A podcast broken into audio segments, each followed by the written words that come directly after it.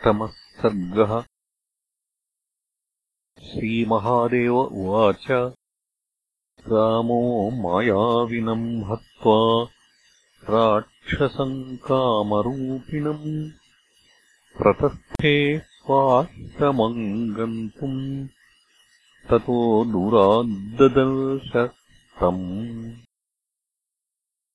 आयान्तम् लक्ष्मणम् दीनम् मुखेन परिशुष्यता। राघवश्चिन्तयामास स्वात्मन्येव महामतिः। लक्ष्मणस्तन्न जानाति मायासीताम् मया कृताम् ज्ञात्वाप्येनम् वञ्चयित्वा शोचामि प्राकृतो यथा। यद्यहम् विरतो भूत्वा तूष्णीम् स्थास्यामि मन्दिरे तदा राक्षसकोटीनाम् वधोपायः कथम् भवेत्। यदा शोचामि ताम् दुःखसन्तप्तः कामुको यथा। तदा क्रमेणानुचिन्वन् सीताम् यास्ये सुरालयम्। रावणम् सकुलम् हत्वा सीतामग्नौ स्थिताम् पुनः मयैव स्थापिताम् नीत्वा यातायोऽध्यामतन्द्रितः अहम् मनुष्यभावेन जातोऽस्मि ब्रह्मणार्थितः। मनुष्यभावमापन्नः कञ्चित्कालम् वसामि कौ। ततो मायामनुष्य चरितम् मेनु शृण्वताम् मुक्तिः स्यादप्रयासेन भक्तिमार्गानुवर्तिनाम् निश्चित्यैवम् तदा दृष्ट्वा लक्ष्मणम् वाक्यमब्रवीत्। किमर्थमागतोऽसि त्वम् सीताम् त्यक्त्वा मम प्रियाम्। नीता वा भक्षिता वापि राक्षसैर्जनकात्मजा।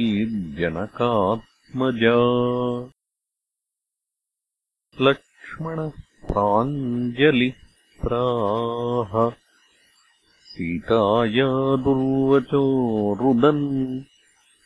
हा लक्ष्मणेति वचनम् राक्षसोक्तम् श्रुतम् तया। त्वद्वाक्यसदृशम् श्रुत्वा माम् गच्छेति त्वराब्रवीत्। रुदती सा मया प्रोक्ता देवी राक्षसभाषितम् नेदम् रामस्यवचनम् स्वस्था भवशुचिस्मिते इत्येवम् सान्त्विता साध्वी। मया प्रोवाच माम् पुनः। यदुक्तम् दुर्वचो राम। न वाच्यम् पुरतस्तव। कर्णौ पिधाय निर्गत्य यातोऽहम् त्वाम् समीक्षितुम् रामस्तु लक्ष्मणम् प्राह तथाप्यनुचितम् कृतम्। त्वया स्त्रीभाषितम् सत्यम् कृत्वा त्यक्त्वा शुभानना नीता वा भक्षिता वापि राक्षसैर्नात्र संशयः इति चिन्तापरो रामः। स्वाश्रमन् त्वरितो ययौ। तत्रा दृष्ट्वा जनकजाम् विललापातिदुःखितः। हा प्रिये क्व गतासि त्वम् नासि पूर्ववदाश्रमे अथवा मद्विमोहार्थम् लीलया क्व विलीयसे इत्याचिन्वन्वनम् सर्वम् नापश्यज्जानकीम् तदा वनदेव्यः कुतः सीताम् ब्रुवन्तु मम वल्लभाम्। मृगाश्च पक्षिणो वृक्षा दर्शयन्तु मम प्रियाम्। इत्येवम् विलपन्नेव रामः सीताम् न कुत्रचित्। सर्वज्ञः सर्वथा क्वापि नापश्यद्रघुनन्दनः। आनन्दोऽप्यन्वशोचत्तामचलोऽप्यनुधावति। निर्ममो निरहङ्कारोऽखण्डानन्दरूपवान् मम जायेत सीतेति विललापातिदुःखितः एवम् मायामनुचरन्नसक्तोऽपि रघूत्तमः। आसक्त इव मूढानाम्। भाति तत्त्वविदाम् न हि एवम् विचिन्वन् सकलम् वनम् रामः स लक्ष्मणः भग्नम् रथम् छत्रचापम् कूबरम् पतितम् भुवि। दृष्ट्वा लक्ष्मणमाहेदम्।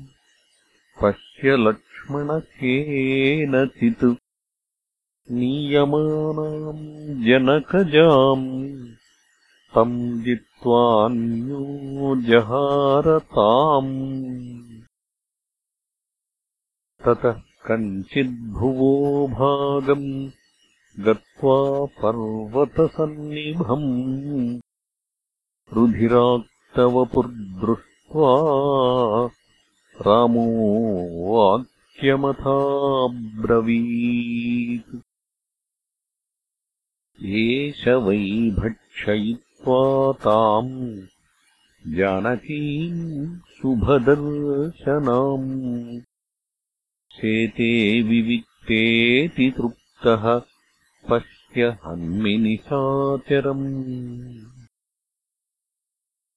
चापमानय शीघ्रम् मे बाणम् च रघुनन्दन तच्छ्रुत्वा रामवचनम् जटायुः प्राह भीतवत्। माम् न मारय भद्रन्ते म्रियमाणम् स्वकर्मणा। अहम् जटायुस्ते भार्याहारिणम् समनुद्रुतः रावणम् तत्र युद्धम् मे बभूवारिविमर्दन। तस्य वाहान् रथम् चापम् छित्त्वाहम् तेन घातितः। पतितोऽस्मि जगन्नाथ प्राणाम् त्यक्ष्यामि पश्य माम् तच्छ्रुत्वा राघवो दीनम् कण्ठप्राणम् ददर्शः। हस्ताभ्याम् संस्पृशन् रामो। दुःखाश्रुवृतलोचनः। जटायो ब्रूहि मे भार्या। केन नीता शुभानना मत्कार्यार्थम् हतोऽसि त्वम्। हतो मे प्रियबान्धवः। जटायुः सन्नयावाच वक्राद्रक्तम् समुद्वमन्। उवाच रावणो राम राक्षसोऽभिमविक्रमः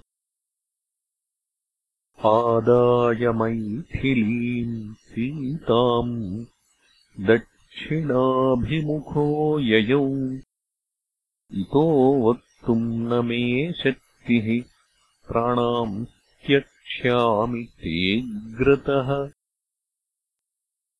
दिष्ट्या दृष्टोऽसि रामत्वम् म्रियमाणेन मे नघ परमात्मासि विष्णुस्त्वम् मायामनुजरूपधुक्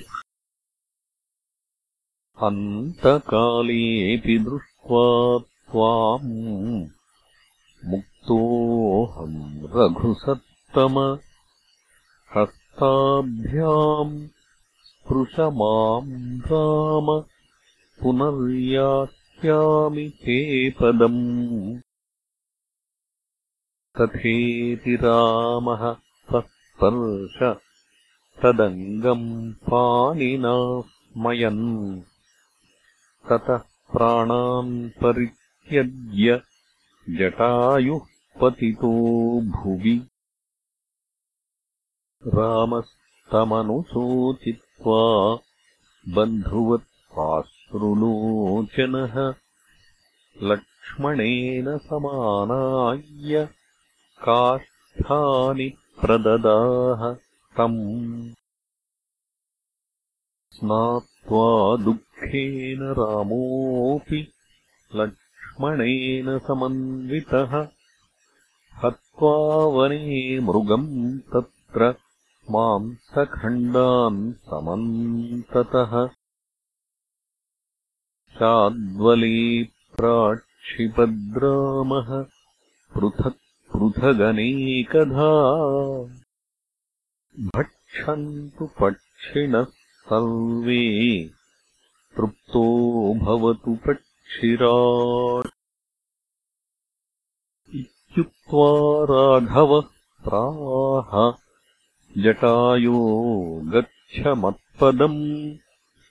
मत्सारूप्यम् भजस्वाद्य सर्वलोकस्य पश्यतः ततोऽनन्तरमेवासौ दिव्यरूपधरः शुभः विमानवरमारुह्य भास्वरम् भानुसन्निभम् शङ्खचक्रगदापद्मकिरीटवरभूषणैः द्योतयन् स्वप्रकाशेन पीताम्बरधरोमलः चतुर्भिः पार्षदैर्विष्णोः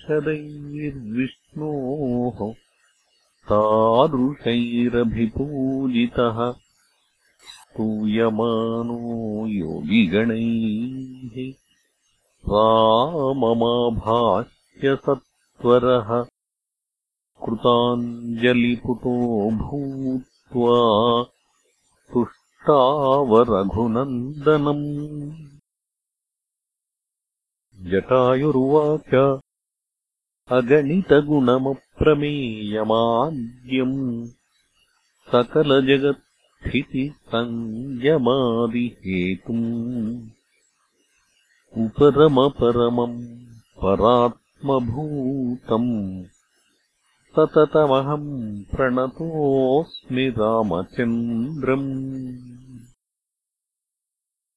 निरवधिसुखमिन्दिराकटाक्षम्। क्षपितसुरेन्द्रचतुर्मुखादिदुःखम् नरवरमनिशम् नतोऽस्मि रामम् वरदमहम् वरचापबाणहस्तम् त्रिभुवनकमनीयरूपमीड्यम् रविशतभासुरमीहितप्रदानम् शरणदमनिशम् सुरागमूले कृतनिलयम् रघुनन्दनम् प्रपद्ये। भवविपिनदवाग्निनामधेयम् भवमुखदैवतदैवतम् दयालुम् दनुजपतिसहस्रकोटिनाशम् रवितनयासदृशम् हरिम् प्रपद्ये। अविरतभवभावनातिदूरम्। भवविमुखैर्मुनिभिः सदैव दृश्यम् भवजलधिसुतारणाङ्घ्रिपोतम्।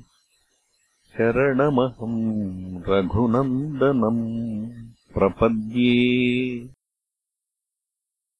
गिरिशगिरिसुतामनोनिवासम् गिरिवरधारिणमीहिताभिरामम् सुरवरदनुजेन्द्रसेविताङ्घ्रिम् सुरवरदम् रघुनायकम् प्रपद्ये।